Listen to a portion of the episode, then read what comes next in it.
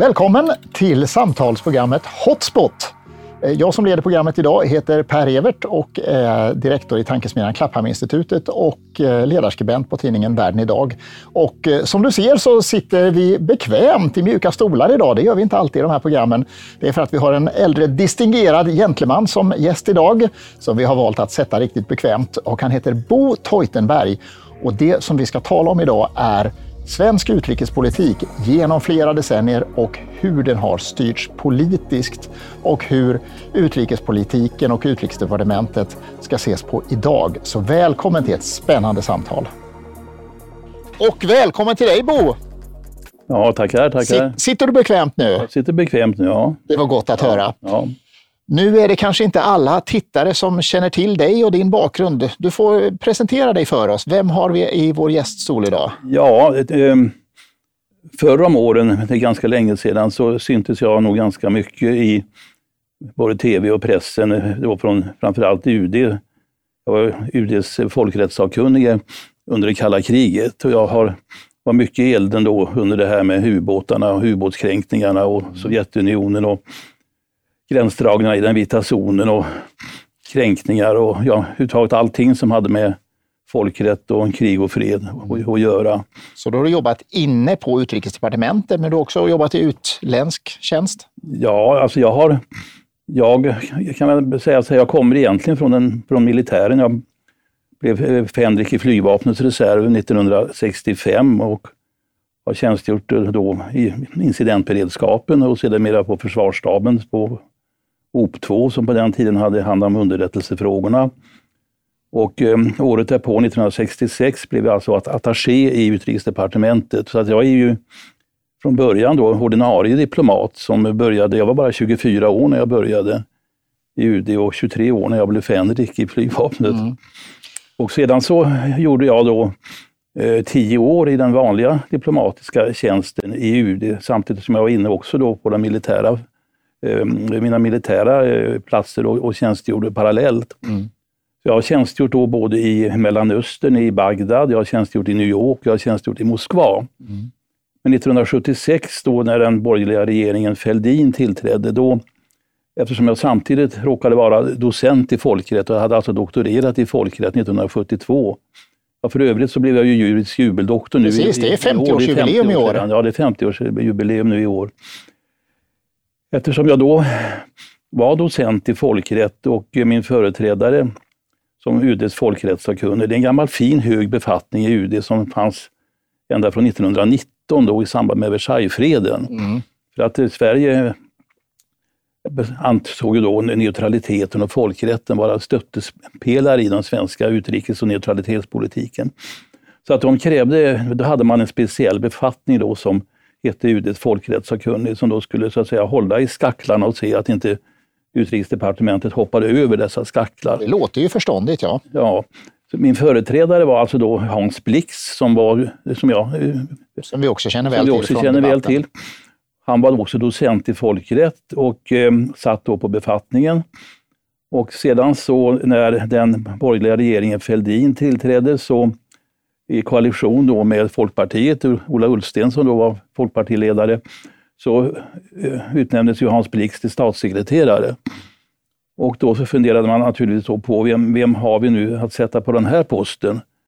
Och eh, jo, då pekade de då på mig som satt i Moskva som ordinarie diplomat. Tanken var ju att jag egent, egentligen skulle då vid 34 års ålder som jag då var, eh, faktiskt åkt vidare till Pyongyang som chargé d'affaires. Men eh, då tyckte man från UD, nej men nu tar vi hem Bo igen här så får han fylla posten då som UDs folkrättssakkunnige. Ja. Så att jag tillträdde ju då 1976 och eh, sitter på den här posten då fram till, till, till 1986-87. Då, då jag faktiskt avgår ifrån posten i, i, i protest som det heter mot eh, den socialdemokratiska eh, tycker jag, eftergiftspolitiken mot Sovjetunionen. Det får vi möjlighet att återkomma till. Du har ju suttit under avgörande tider i, i svensk Ja. politik under kalla kriget. Ja. Ska man säga någonting om var du tycker att Sverige profilerade sig väl utrikespolitiskt under den här perioden? Det måste finnas några beslut som var, goda, tycker du? Ja, det tillhör ju egentligen det väldigt hemliga området också. Eh, även om man kan tycka att det är lite märkligt då att Sverige som förde en, utrikes, en neutralitetspolitik, vilket naturligtvis innebär då att man skulle vara neutral då mellan maktblocken. Så blev det ju inte riktigt eftersom eh, eh statsminister Tage Erlander redan på 50-talet insåg att det här med neutraliteten nog inte skulle så att säga hålla ungefär det som man står i just nu när man inser att ja. Sverige kan inte stå ensamt Nej, att, eh, där, Därmed ingick han ju de här hemliga avtalen så att säga, med USA och NATO.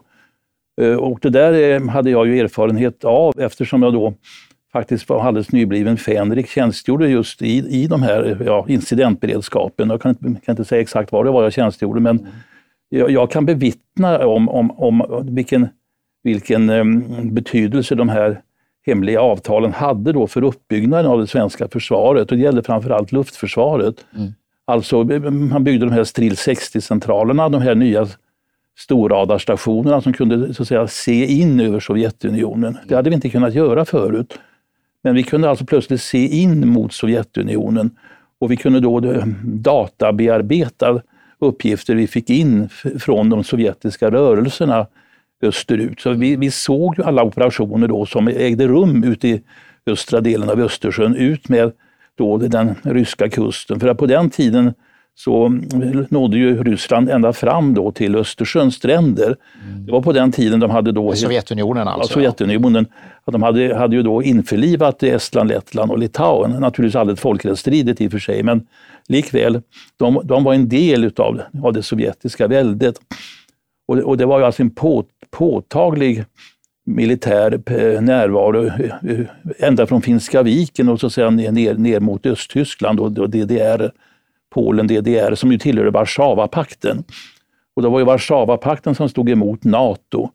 Och, och, och, Sverige ansåg sig då inte kunna gå in i NATO. Man hänvisade ofta då till, till, till Finland, att inte Sverige då kunde gå med i NATO för det skulle påverka Finland.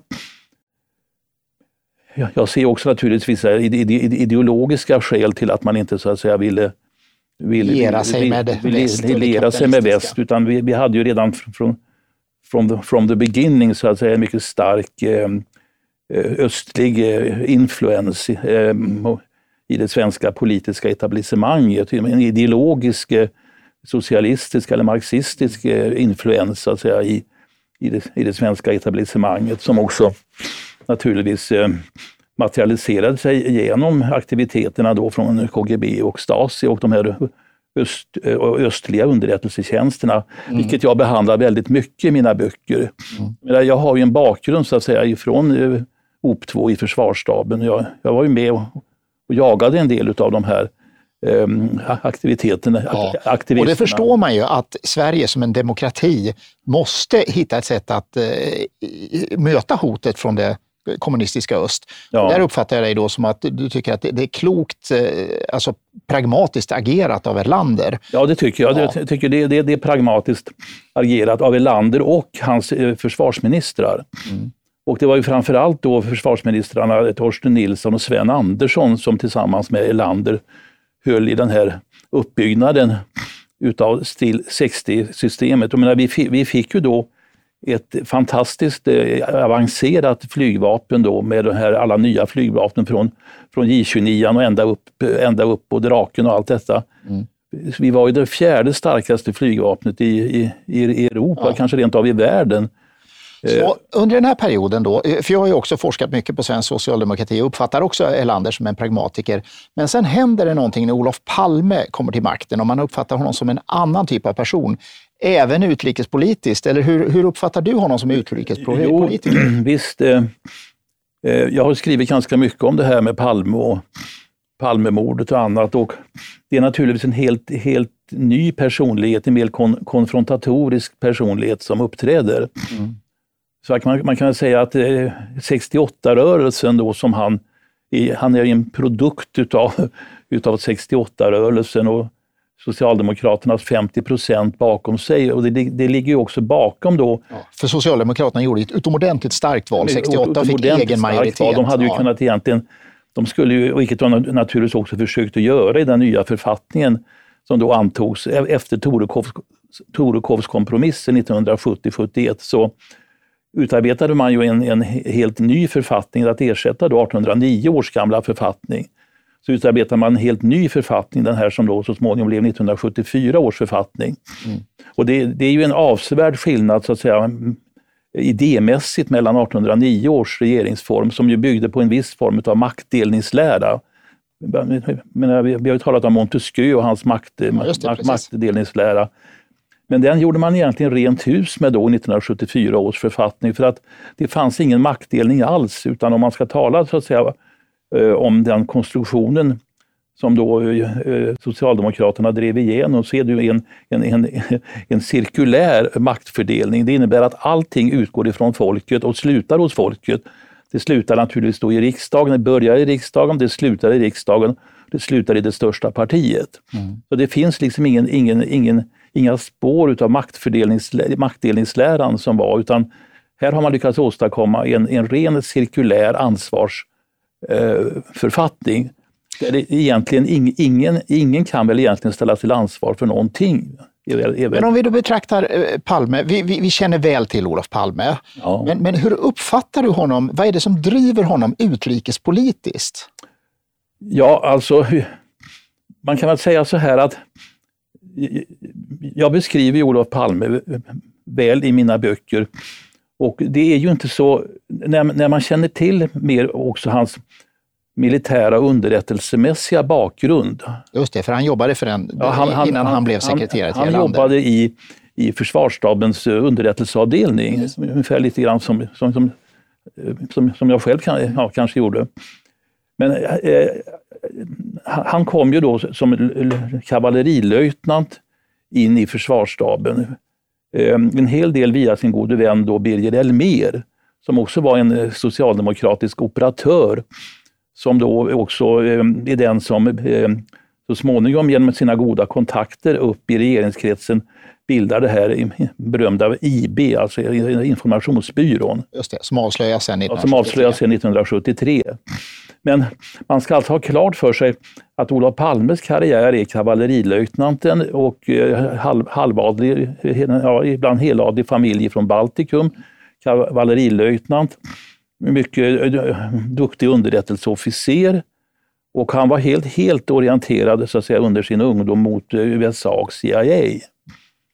Så att eh, he, hela den här eh, alltså, historiebeskrivningen Beskrivningen av Palme då som en revolutionär marxist, eh, det stämmer inte riktigt om man ser på hans underrättelsemässiga bakgrund och framförallt då att han eh, också faktiskt eh, även efter det att han tillträdde så stod han ju, det vet ingen om, men han stod egentligen så att säga då USA och NATO och även CIA nära. Därför att man var så illa tvungen, därför att man förstod ju också att det kommunistiska Sovjet var farligt. Så att man kan säga att det, vad man egentligen kommer fram till är, det var väl ett avancerat dubbelspel ifrån Palmes sida som möjligen kostade honom livet. Nu är det ju så att eh, det finns regler för hur man ska styra Sverige. Det fanns både i den gamla regeringsformen och den nya regeringsformen och hur departementen ska fungera. Men du som då kan UD från insidan, hur tycker du att den influeras av partipolitik eller av, av vanliga politiska hänsyn? Eller vad, vad, vad, har varit den speciella atmosfären just på UD?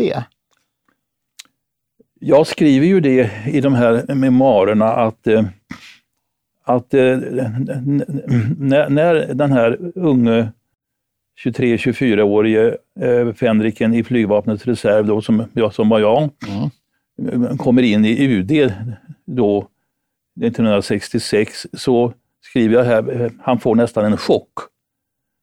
Eftersom det, det var en sån diametral skillnad mellan mina upplevelser så att säga i incidentberedskapen och hotet, det ständiga hotet mot Sovjetunionen, de ständiga rörelserna ut med de baltiska kusterna.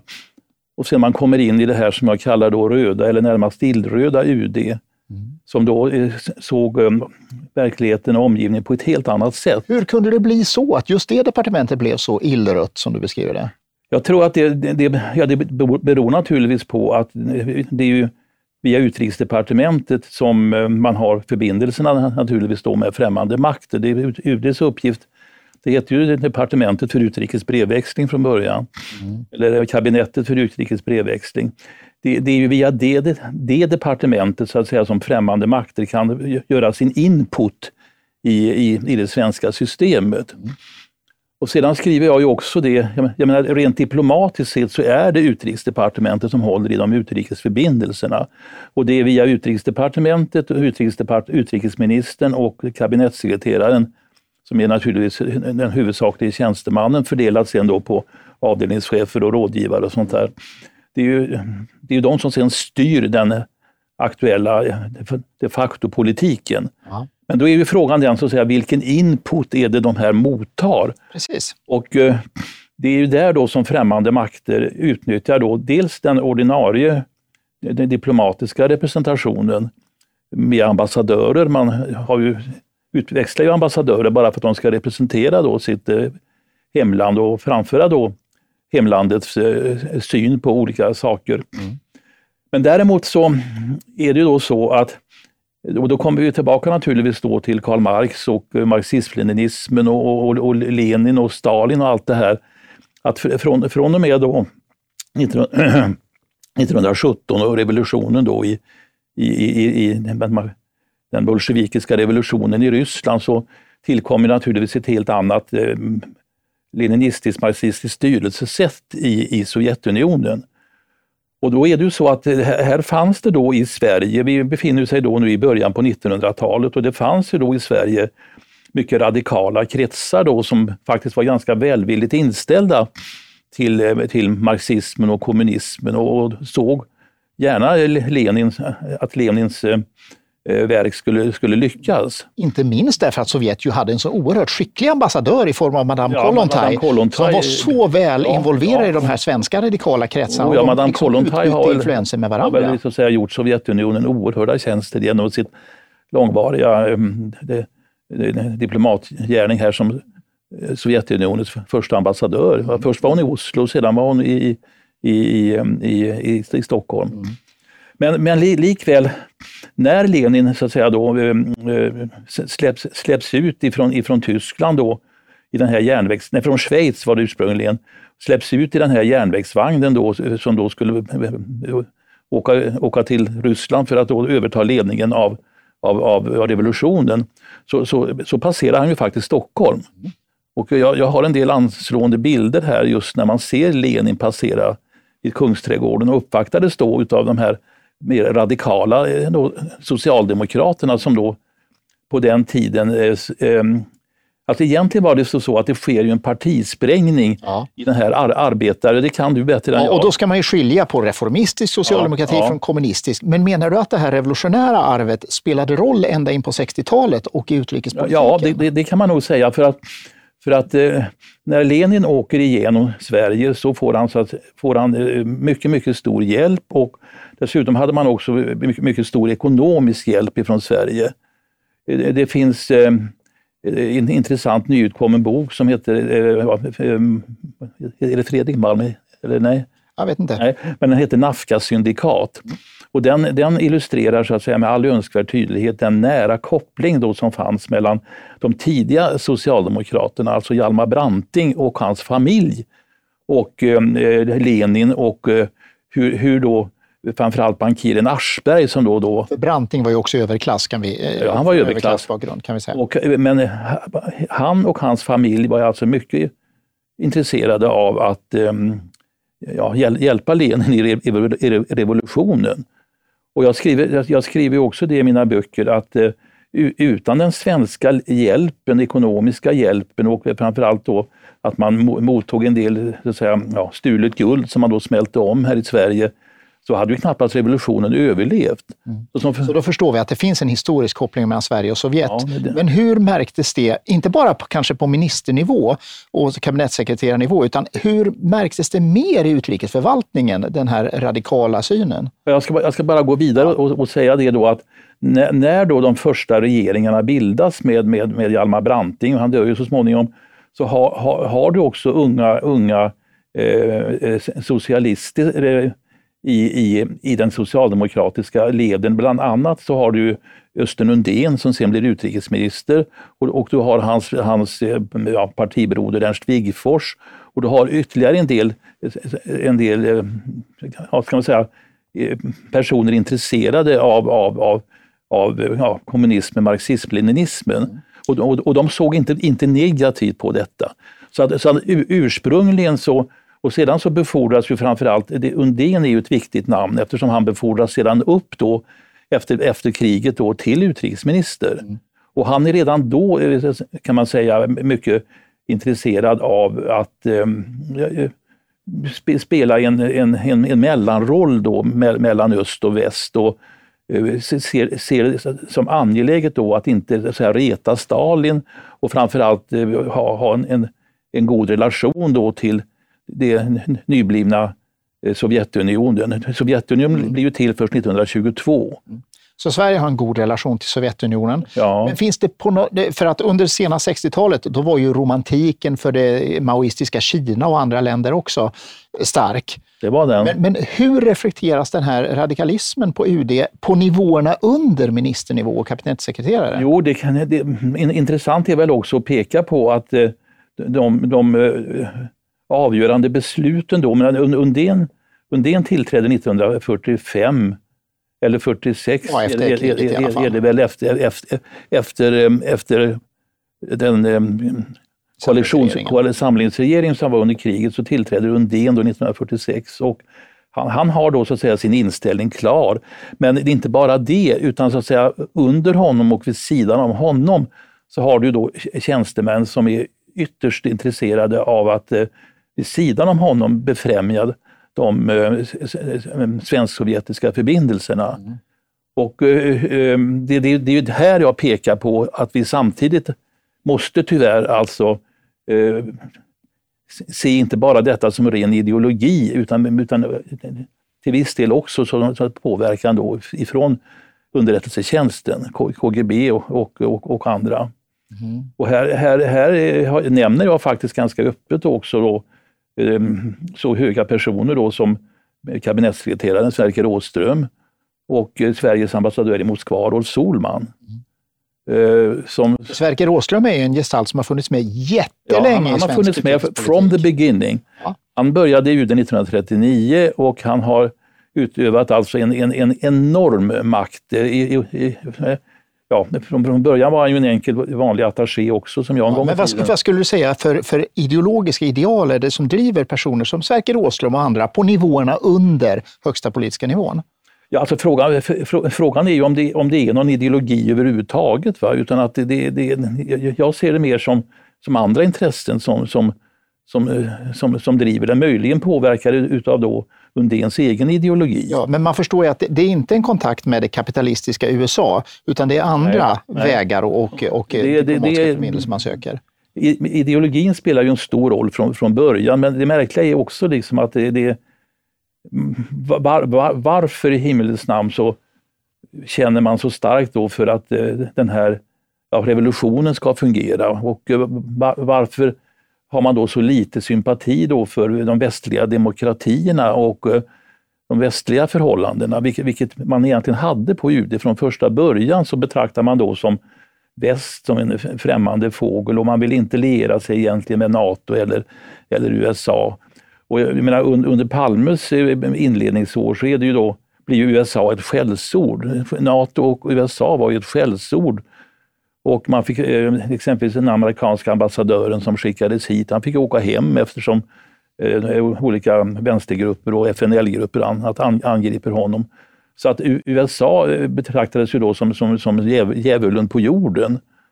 Och man frågar sig varför, för att de som vann andra världskriget var ju faktiskt de, de västliga demokratierna. Ja, och, och räddade även Europas demokratier. Räddade Europas demokratier. Visserligen samverkade de då med, med Stalin, men så naturligtvis redan då när han beordrade sina trupper in mot eh, Berlin och de östeuropeiska länderna hade för avsikt att egentligen dra ner järnridån där. Men Stalin hade ju inte egentligen för avsikt att honorera vare sig Teheran eller Jalta-överenskommelserna. Det var ju Jalta då man kom överens om FN och allt det här. Men inte 17 hade han egentligen någon innerst inne någon avsikt att nu, nu ja, okej, jag, jag beordrar fram arméerna nu till, till mina Röda armén till ända in i Berlin, men jag, jag kan naturligtvis dra tillbaka dem om det är så. Men det tänkte han aldrig göra, utan han tänkte helt enkelt dra ner järnridån där, där, han stod, där han stod. Ja, flytta fram sina positioner med, med så långt som det var möjligt. Jag tänker också på relationen till Israel. För att under den här perioden då vänder ju Sverige, från att ha varit Israels ja, vän, så ja. vänder man i väldigt Israelkritisk riktning. Hur upplevde du den här för, förändringen från insidan? Ja, det, alltså det, det, det, kan man väl säga att det, det, gick med badvattnet så att säga. All, allting förändrade sig med, med, med vänsterns ideologiska syn överhuvudtaget. Och jag vill också säga det att jag pratade nu just om kabinettssekreteraren Sverker Åström, jag pratade om Rolf Solman. Han satt ju ändå 17 år som svensk ambassadör i Moskva. Mm. Tills de här två flyttades då 1964 i samband med Wennerströmaffären. Då fick de respass så att säga. Visserligen då eh, Åström då som FN-ambassadör, men det ansågs mindre farligt att tjänstgöra i FN. Mm. Tanken var att han skulle egentligen ha skickats till Moskva efter Solman, men det, det sa ju statspolisöverintendenten. Man var ju snabb och lyckades lösa ut Wennerströmaffären genom att genomföra rättegången innan Khrushchev ja, kom på besök ja, ja, i Sverige. Så att man förstår att det var skadligt. Men, men, men, men eh, om, om vi återgår till Israel. Hur uppfattade du de ideologiska tongångarna eller vad var det som gjorde att man flyttade över sympatierna till den palestinska sidan så markant? Ja, det, det, är, ju en, det är ju en intressant fråga som, som jag har funderat på egentligen, hur, hur, hur det här gick till. Men, men jag, jag tror faktiskt att det är att det här, det här äger ju rum då, ja, tidigt 70-tal och jag tror att det är väldigt mycket genom Sten Andersson och Pierre Schori som den här nya... Jag menar, dessförinnan så under Golda Meirs tid så var det en bra relation mellan Sverige och Israel och du hade också eh, bra relationer. Eh, men sedan så kommer då, tror jag, influensen, eh, ändringsinfluensen via den här ytterligt radikale Pierre Schori som kommer, som kommer in i, i systemet någon gång i början på 70-talet. Mm. Och jag tror att det är väldigt mycket han och Sten Andersson och de bildar ju sen ett par i UD. Sten Andersson blir utrikesminister och Pierre Schori blir kabinettssekreterare. Mm. Vilket... Men Sten Andersson har väldigt stort inflytande även innan han blir utrikesminister. Ja, han, han, han, har, han har ett mycket, mycket stort inflytande för att han var partisekreterare dessförinnan. Och så att han, han, har alltså spelat en väldigt stor roll. Och jag tror att man kan nog säga att det är Sten Anderssons relationer kanske med med, eh, jag tror man ska väl säga kanske Ben Bella och Algeriet och sånt där redan på, i början på 70-talet som, som gör att han tar in mer, mer den palestinska, arabiska eh, argumenteringen. Och, eh, men sedan hade väl ingen egentligen tänkt att det skulle gå så här långt som det gjorde, att det blev så Eh, ut, utmejslad anti, anti-israelisk politik. Det var väl inte tanken egentligen. Det borde det ju inte vara om man ska stå på demokratins sida. Om, om, man nu, om man nu tänkte sig att, att spela någon, någon, roll som medlare, vilket ju alltid framhålls här, mm. att vi minsann är så bra som medlare. Ja. Om man når ett fredsavtal så är man en bra medlare. Ja. Men uppriktigt sagt måste jag säga det att jag vill nog som UD folkrättssakkunnig under ett decennium ta ur svenska folket ur, ur villfarelsen att vi någonsin har medlat någonting. Vi har aldrig lyckats att medla någonting egentligen överhuvudtaget. Våra medlingsuppdrag har aldrig lyckats någonsin. Och jag har inte fel. Om du kan rätta mig så rätta mig. Ja, det är starka ord. Men jag tänker då sen, 1976, då får vi en ny regering. Efter 44 år socialdemokratisk styrelse, då kommer det en borgerlig regering. Och då skulle man tänka sig att nu blir det nya tongångar, nu blir det nya melodier på UD. Och precis när du kommer in där, Såg du att saker förändrades radikalt eller var det samma saker som var kvar i väggarna? Nej, det, är det som är det märkliga på något sätt. att Jag kom ju då från Moskva och tror det att nu minsann, nu ska, nu ska, vi, nu ska det åstadkommas eh, mm. förändringar här. Men som jag beskriver alla de här 3500 sidorna att eh, Fälldins tillträde och um, Ola Ullstens tillträde. Nu, nu ska man säga det att den första borgerliga regeringen den vidhäftades ju av massa internt bråk. Ja, man skulle hantera kärnkraft och så vidare. Jag menar, det blev ju, jag menar, Fälldins regering sitter då eh, fram till 78 då den spricker. Mm. Ola Ullstens regering tillträder då i ett års tid och därefter så, så, så tillträder då Fälldin 2 Mm. Och sen kommer Fälldin 3. Men det borde ändå finnas intresse av att förändra utrikespolitiken ja, det, i något det, nytt? Visst gör det det. Och jag, jag, beskriver också detta lite grann i böckerna här. att Jag kommer från Moskva, jag har nya eh, idéer och nya insikter. Och, då, och eh, jag, jag vet, jag var hembjuden till eh, Karin Söder som då var utrikesminister. Jag var hembjuden till hennes, hennes hem i, Näsby park för att jag pratade om, om regeringsförklaringen. Som folkrättssakkunnig, som ny folkrättssakkunnig kunde jag få lägga synpunkter på mm. detta. Så jag satt vid hennes köksbord och då säger någon säger att jo, men vi, vi, vi, vi, vi vill ha någonting nytt. Mm. Men ändå inte så att vi så att säga eh, att vi eh, eh, drar på oss en massa onödig kritik. I, i, och det förstår man ju diplomatiskt, ja. men ändå så borde man kunna ta tydligare ja. moralisk ställning. Ja, men, men alltså, egentligen, det är, dels är det det att man ville införa någonting nytt, men var så klavbundna utav den här, ska jag säga, nästan eh, 75-åriga socialistiska plattformen som hade utvecklats i Sverige. För trots, trots allt, jag menar de, de eh, influenserna då ifrån, ifrån Hjalmar Branting och, och Lenin och allting, eh, och även tidigare eh, har ju då avsatt sina spår. Vi har, vi, har, vi har en sån djup relation till den socialistiska idéläran, till den marxistiska idéläran. Men socialismen och marxismen stod väldigt nära varandra. Att det, det, hela, hela bottenplattan var, var socialistisk. Det, det, går liksom inte att ändra på detta. Mm. Så att man kan säga att de borgerliga partierna är ju, om nu ska vara riktigt elak här, någon form utav, utav eh, ja, eh, upplaga B utav socialistiska partier. Det finns liksom inte ingen, ingen, ingen ideologisk eh, vad ska jag säga, borgerlig kraft att, att egentligen eh, rasera eller stå emot den socialistiska grundplattformen. Och det märktes ju mycket väl då i det här, dels språket i, i regeringarna Fälldin och Ullsten, Fälldin ettan, tvåan, trean och Ullsten emellan. De hade inte eh, rent politisk kraft att driva igenom det. Och där, sen hade vi en massa avgångar hit och dit. Det var nya utrikesministrar och nya kabinettssekreterare.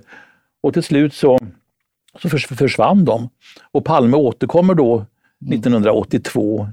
i, eh, efter, efter allt rabalder då mm. i Almedalen om det här med Gotland och Gotlands eh, problematiken som har att göra med den vita, vita, vita zonen. Ja, just det. Möjligtvis det att vi hinner återvända till det. Men då menar du, då kan han bara fortsätta på samma spår ja, ja, som han, inte har förändrats så mycket nej, under alltså, sex år? Han, avgår 1976 och återkommer 1982. Och egentligen så, så, eh, tar han bara upp helt enkelt den, den, den, de gamla idéerna, men nu med Pierre Schori som kabinettssekreterare. Mm. Och Det är ju min stora kritik mot Palme som jag i och för sig tyckte bra om och, och, och faktiskt eh, kom bra överens med. Jag begriper inte hur han kunde utnämna en så vänsterutrerad, eh, eh extremvänsterutrerad person som Pierre Schori med förankringar då hos Castro och, latinamerikanska revolutionen. Säger inte det någonting om Palme som, som person och politiker och visionär då egentligen? Ja, alltså det, Palmes eh, Palmes eh, ändå dubbelspel med, med, med USA och NATO håller jag honom räkning för, men samtidigt begriper jag liksom inte hur han, hur han A kunde Eh, sluta Pierre Schori till sitt hjärta och sen B förstår jag inte heller hur han kunde återutnämna då Sverker Åström till ny kabinettssekreterare 1970 och 72. Mm. För där, där, där är ju rejäla frågetecken om, om, om, eh, om deras relationer då till, till östliga underrättelsemakter. Innan det här sker, regeringsskiftet 82, då, då sker den värsta utrikespolitiska krisen. Året innan, när det går en ubåt på grund ja, ja, i Gåsefjärden utanför Karlskrona. Ja. Och då är du involverad jag, i det här skeendet. Då, då är jag involverad, ja. Vad händer? Vad är det som går bra då? Vad är det som går dåligt i den här hanteringen? Ja, alltså e, egentligen så är det ju så att jag, jag tjänstgör ju då parallellt i, i försvarsstaben så att eh, ehm, jag la ut just på min Facebook-sida idag de här anteckningarna i, i, i, min kalender att den 28, det är precis 41 år sedan, det är den 27 idag mm. och 28 imorgon. Vi spelar in det här programmet ja. Ja, ja just det, okej. Okay. Ja. Just det. Vi spelar in det här idag den 27 och nu, nu, nu är ubåten så att säga på väg in i, mot Gåsefjärden. Mm. Och sedan ränner den alltså upp på, på, på skäret där någon gång. Ja, och det blir ju en enorm utrikespolitisk ja, det blir en enorm kris utrikespolitisk Och hur hanterar regeringen Fälldin det här och eh, vilken roll får du i det? Ja, jag kan väl säga det att jag, jag var med från första början. Framförallt så ringer ÖB upp mig då, då, klockan 11 redan på, på den 28 och säger Bo, släng dig hit, kom hit. ÖB vill då, så att säga, jag tjänstgör också då som hans folkrättssakkunnige i försvarsstaben. Så han ville omedelbart då klargöra med mig tillsammans med försvarsstabschefen underrättelseavdelningen hur vi skulle hantera den rent immunitetsmässigt. Det här, det här var ju ett statsfartyg som hade eh, ränt upp på, på, på, på, på skäret. Och enligt den folkrättsliga doktrinen så är det ju så att om, om statsfartyg då begår någon form av olaglighet vid, vid passage in eh, mot främmande makter så kommer immunitetsfrågorna upp, alltså frågan om statsimmunitet. Och det, det, det, det är här som ÖB från första början vill, vill få klartecken då från sin folkrättssakkunnige. Jag var ju samtidigt UDs folkrättssakkunnige. Hur långt får jag gå? Hur, ja. hur, hur, och då, då, då, säger jag helt enkelt till honom, den, min, min, min första reaktion, vi, vi, har ju väntat på det här. Vi hade ju väntat på att, att en sån här olycka skulle hända. Mm. Så vi, vi, var, vi var inte helt oförberedda. Och jag hade skrivit så att säga, en, en längre promemoria om detta redan för ett år sedan.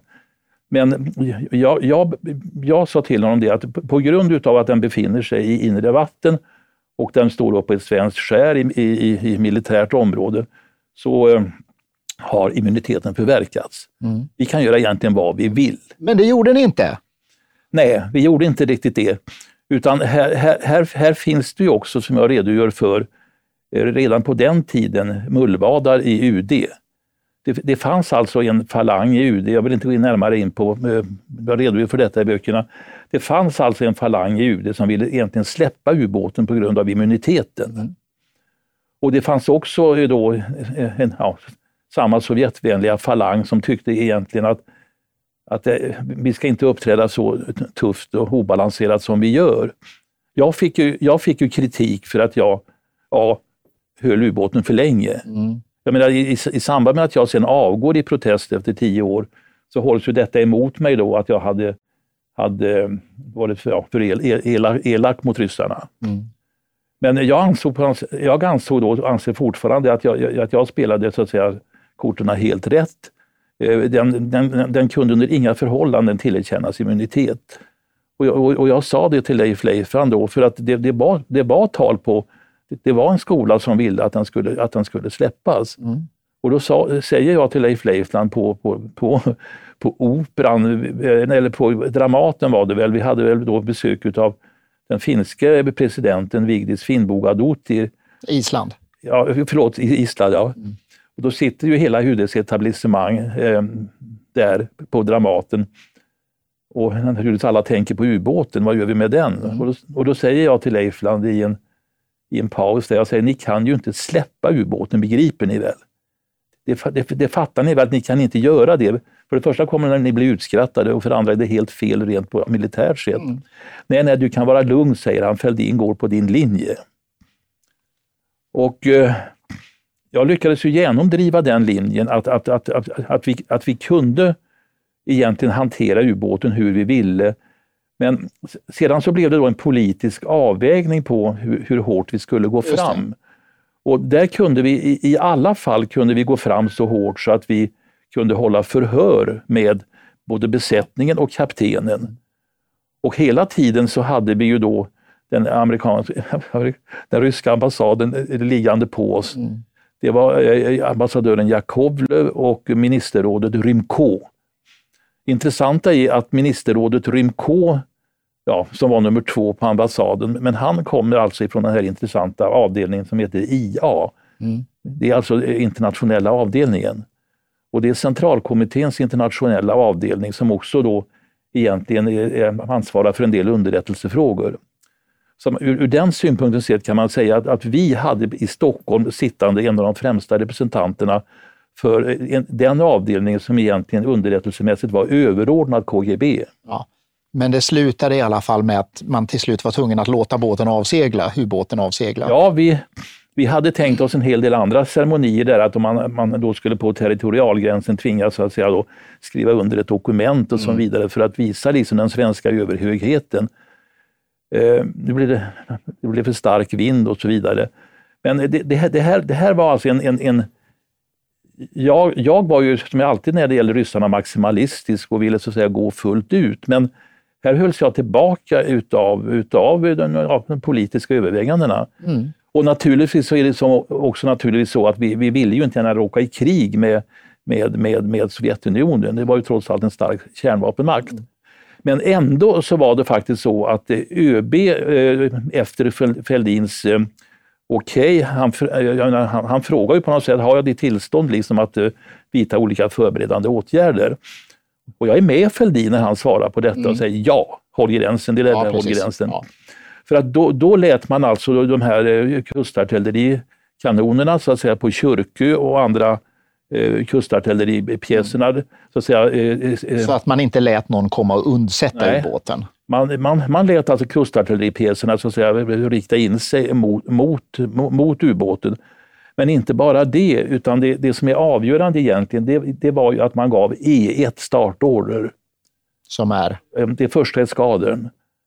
Och det, det, det, är ju den, den eskaden då som kallas för ÖBs klubba. Och eh, den hade startorder. Eh, och den var i luften så vitt jag vet. Och, och det, det, innebar ju egentligen att den kunde ha bombat sönder och samman eh, ja, både an, an, ankommande fartyg och eh, ubåten också. Så att jag tror egentligen att det är startorden till E1 som gör att ryssarna så att säga ger med sig. Just det. För att vi vet, så att båda sidor fick ge med sig på något vis kan man ja, säga i slutändan. Vi, vi, vi, vi, vet ju också genom underrättelsetjänsten, jag redogör för det i de här böckerna, vi vet ju väldigt mycket egentligen av, av vad U137 hade för sig, vad den hade för program. Mm. Vi vet det av olika skäl. Men det, det, det, det, är också, det är också nämligen det att när, när ryssarna via sin underrättelsetjänst upptäcker att vi har låst på målet det är då det kommer ett, ett, ett meddelande, alltså från Gromyko. Till, Som då är utrikesminister? va? Nej, jag tror att han, han har då avancerat till, till, till, eh, till ja. näst, näst, nästa post. Men han blev till och med president i Sovjetunionen. Men det kommer alltså ett, ett meddelande då till, till, till, till fartygschefen att gör som svenskarna säger. Mm. Och, och det, det, innebar alltså ändå så, så mycket att vi kunde ju då genom de förhören som hölls med besättningen och kaptenen och sekonden och framförallt de här mätningarna av, av gammastrålningen på Ja, så man kunde veta att det var kärnvapen ja, ombord. Så, så kunde ju ÖB faktiskt skriva både en rapport och två rapporter där han kunde eh, bevisa att eh, eh, ubåten hade avsiktligt så att säga, gått, gått, gått på grundet. Och hur, hur, kan han då bevisa det? Jo, det kan man bevisa genom att eh, man hade alltså eh, suddat i och ändrat i, i besticksjournalerna. Ja, i färd, ja, ja, i, i, i, loggboken helt enkelt. Man hade helt, för man gjorde ju då så när man, man stod på grundet så det gällde det att, att, att eh, radera ut så mycket som möjligt av, av, av, av, av, bevisning. Och då ändrade man så att säga i bestickjournalerna och, som då skulle stämma överens med den här eh, eh versionen av att vi visste inte var vi var, minsann det är synd om oss, vi har navigerat fel. Men det, det kunde man alltså genom eh, eh, skickligt eh, bakarbete i underrättelsetjänsten backa tillbaka. Så i någon av mina böcker här har, har jag en karta då som är den verkliga kartan emot den simulerade kartan. Mm. Okej, okay. eh, det här är ju historieskrivningen. Ja. Men om vi tar oss fram till vår egen tid, då är ju relationen till Ryssland helt plötsligt oerhört angelägen och Ryssland startar anfallskrig i sin närhet. Och det är klart det är lätt att dra slutsatser i efterhand och säga att nu är kriget i, full gång i Ukraina. Det håller på i nio månader när vi spelar in det här. Men, men en sån här bakgrundsfråga. Borde vi ha kunnat se att det här var på gång utifrån den utveckling som har varit i Ryssland de senaste 20 åren under Putin? Ja, det, det tycker ju jag verkligen. för att jag, jag, jag varnade ju hela tiden på något sätt med min, jag har tjänstgjort i Moskva, jag har erfarenhet från underrättelsetjänsten. Jag har varnat hela tiden att inte man ska så att säga, låta sig duperas utav de här ja, fredssträvarna och fredssträvandena. Och det, här då att, det som framstår som det, men i själva verket ja, kanske inte är det. Nej, precis. Men det, det, det, finns ju till och med en skola som säger det, att Sovjetunionen då har avsiktligt så att säga, låtit sig falla, falla samman. Det kanske är en efterhandskonstruktion. Men att när då väst hade köpt lockropen och säger att ja, nu är vi fred och avspänning och avrustning, vilket naturligtvis eh, svenskarna faller för i farstun med en gång. Mm. Och jag vet i den här väl nummer två så tar jag upp alltså då min, jag säger ju då redan 2014 här före invasionen av Krim att det här, här, här har alla, alla förutsägelser, alla analyser har så att säga huggit i sten. Mm. Ingenting utav vad, vad man har förutsagt från politisk sida eller nedrustningssidan eller, eller, eller, eller andra institut har, har så att säga stämt. Allting är fel. Men ändå så lyssnade alltså inte politikerna på, på, på, på de här varningarna. Mm. Och, och, jag, har, jag har ju skrikit vargen kommer så mycket naturligtvis att egentligen ingen, ingen lyssnar på mig. Men jag har faktiskt varnat för det hela tiden och speciellt då efter Krim, att man skulle ha då reagerat mer hårdare och snabbare än, än man gjorde. Vad gör Sverige efter Krim? Jo, man lägger ner försvaret helt och hållet. Hur ska man uppfatta en person som Vladimir Putin? Vad är det för ideal som han drivs av och som kanske har sin bakgrund i hans eh, bakgrund i KGB eller i, i så att säga, Sovjetsystemet eller det, Rysslands uppväxt? Ja, alltså han, han är ju en personifikation av KGB. Han började i KGB och han eh, eh, befordrades då till, som väl inte särskilt lyckad eh, KGB-kapten eller möjligen major då till Dresden. Och eh, han bevittnade då så att säga Sovjetunionens fall, vilket han betecknar som den största katastrofen i världshistorien.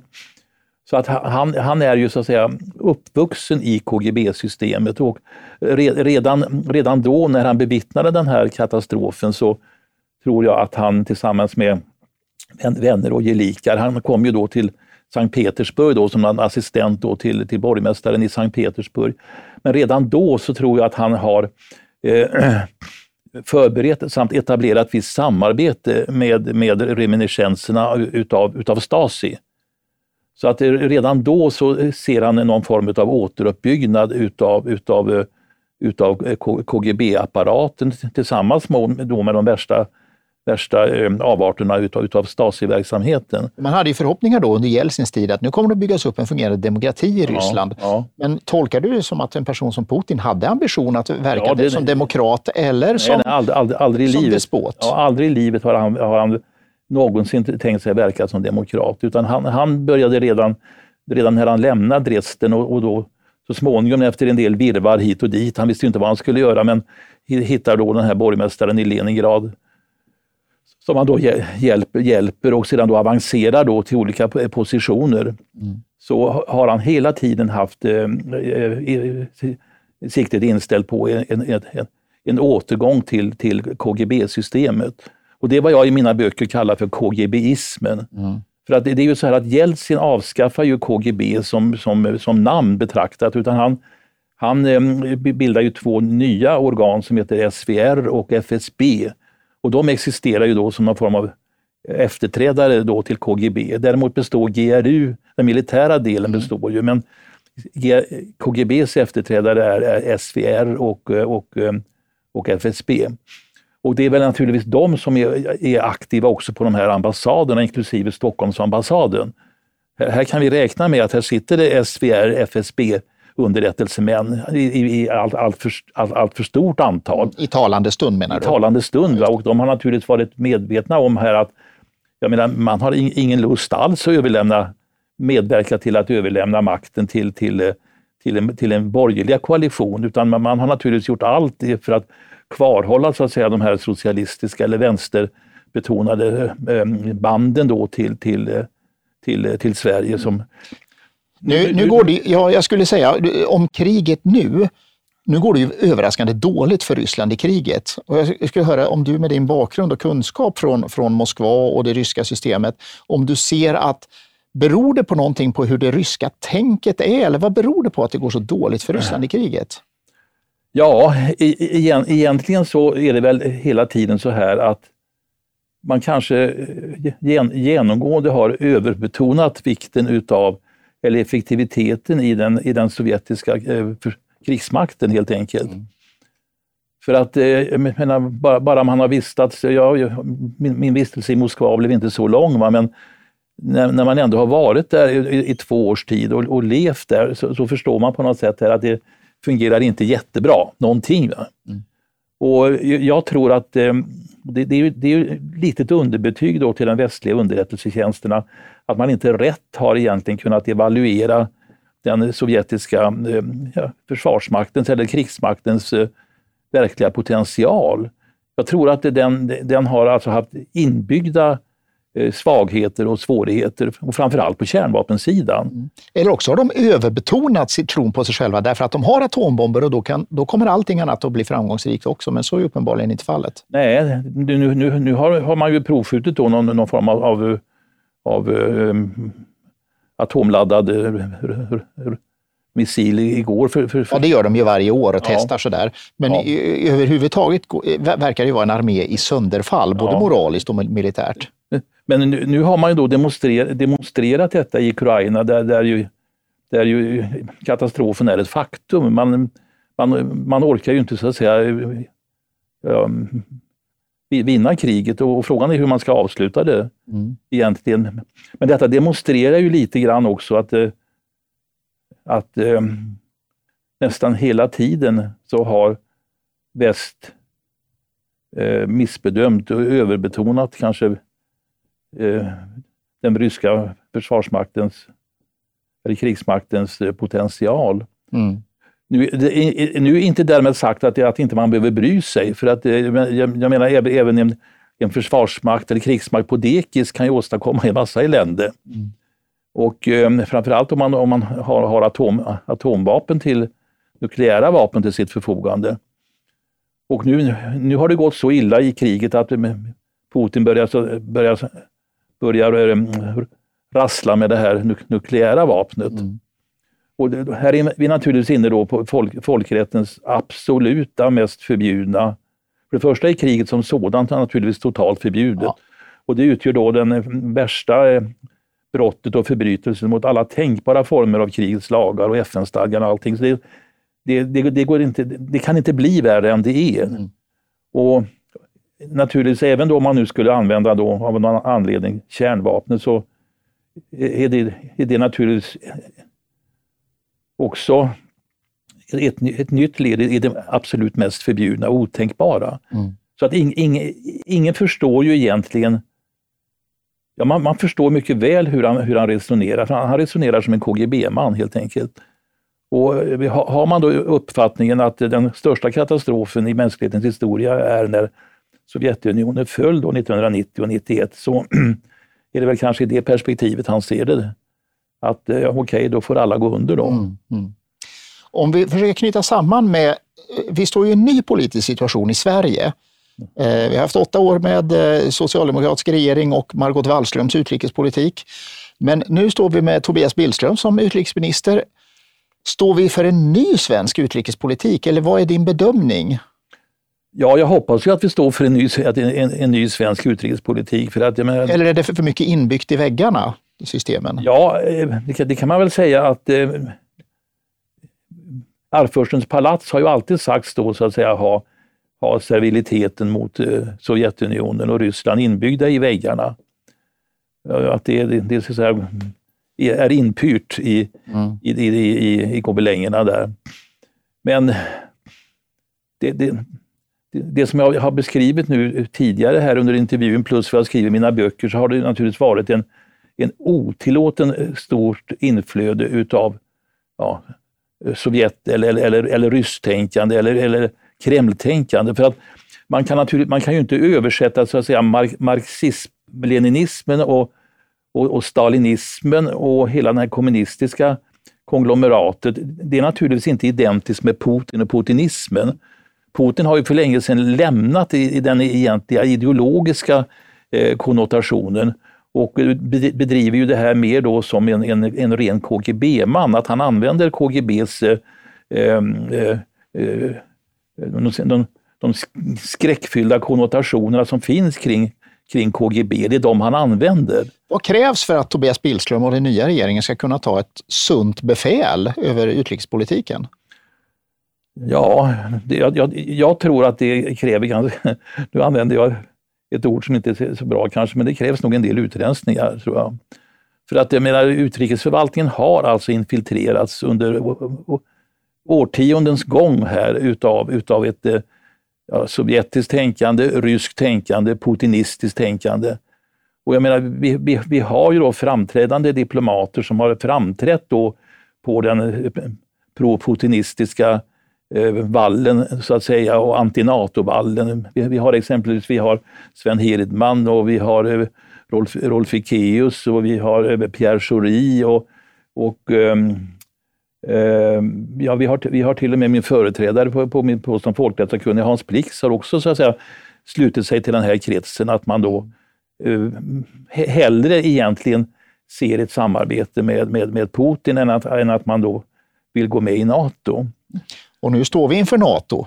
Nu, nu, nu, nu fick ju socialdemokratin så att säga bekänna färg eh, för att inte tappa makten och eh, sedan tror jag också att man fick, fick några varningar på att det kunde förekomma, kunde, kunde förväntas en del obehagligheter.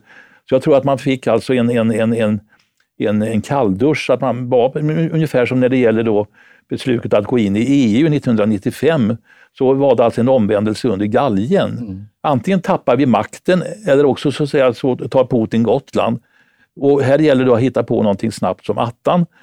Och förlåt uttrycket, men i, i, i, det läget så glömde man ju att informera så att säga hela partientouraget så att alla hann ju inte med att så att säga vända kappan efter vinden om man nu får säga det så. Mm. Utan en, en, del kom ju efter och inte riktigt hängde med att man gjorde en en 180 graders sväng eh, i socialdemokratin på någon vecka. Mm. Där man då nu eh, så av, avsvor sig då eh, 75 års eh, 75 års eh, svärande över NATO och USA och omedelbart förväntades då ansluta sig till, till eh, samma, samma mm. grupp som man då har kritiserat. Så att, jag, jag menar, rent, rent historiskt sett i efterhand nu när man kommer att bedöma det här efter hundra år så kommer naturligtvis historikerna klia sig i huvudet och säga men, men det här var en konstig kovändning. Efter att ha då slagits till, till sista man då för en anti-NATO och anti-USA-inställning. Och det ser man ju också på Hultqvist och, och, och Wallström och, och Linde, att nej, vi ska absolut inte ansluta oss till NATO. Och sedan så säger några minuter efteråt så ska vi absolut ansluta oss till NATO. Så kommer verkligheten i kapp. Ja, så, verkligheten kom i kapp, men det är naturligtvis historiskt sett så blir det obegripligt. Mm. Vi står onekligen i spännande tider utrikespolitiskt. Ja, det gör vi. vi har hört mycket om historien och vi får se hur framtiden blir. Men ja. tack så mycket Bo ja. Teutenberg för att du har kommit och varit vår gäst idag. Ja, tack ska du ha. Och tack, tack. till dig som har tittat.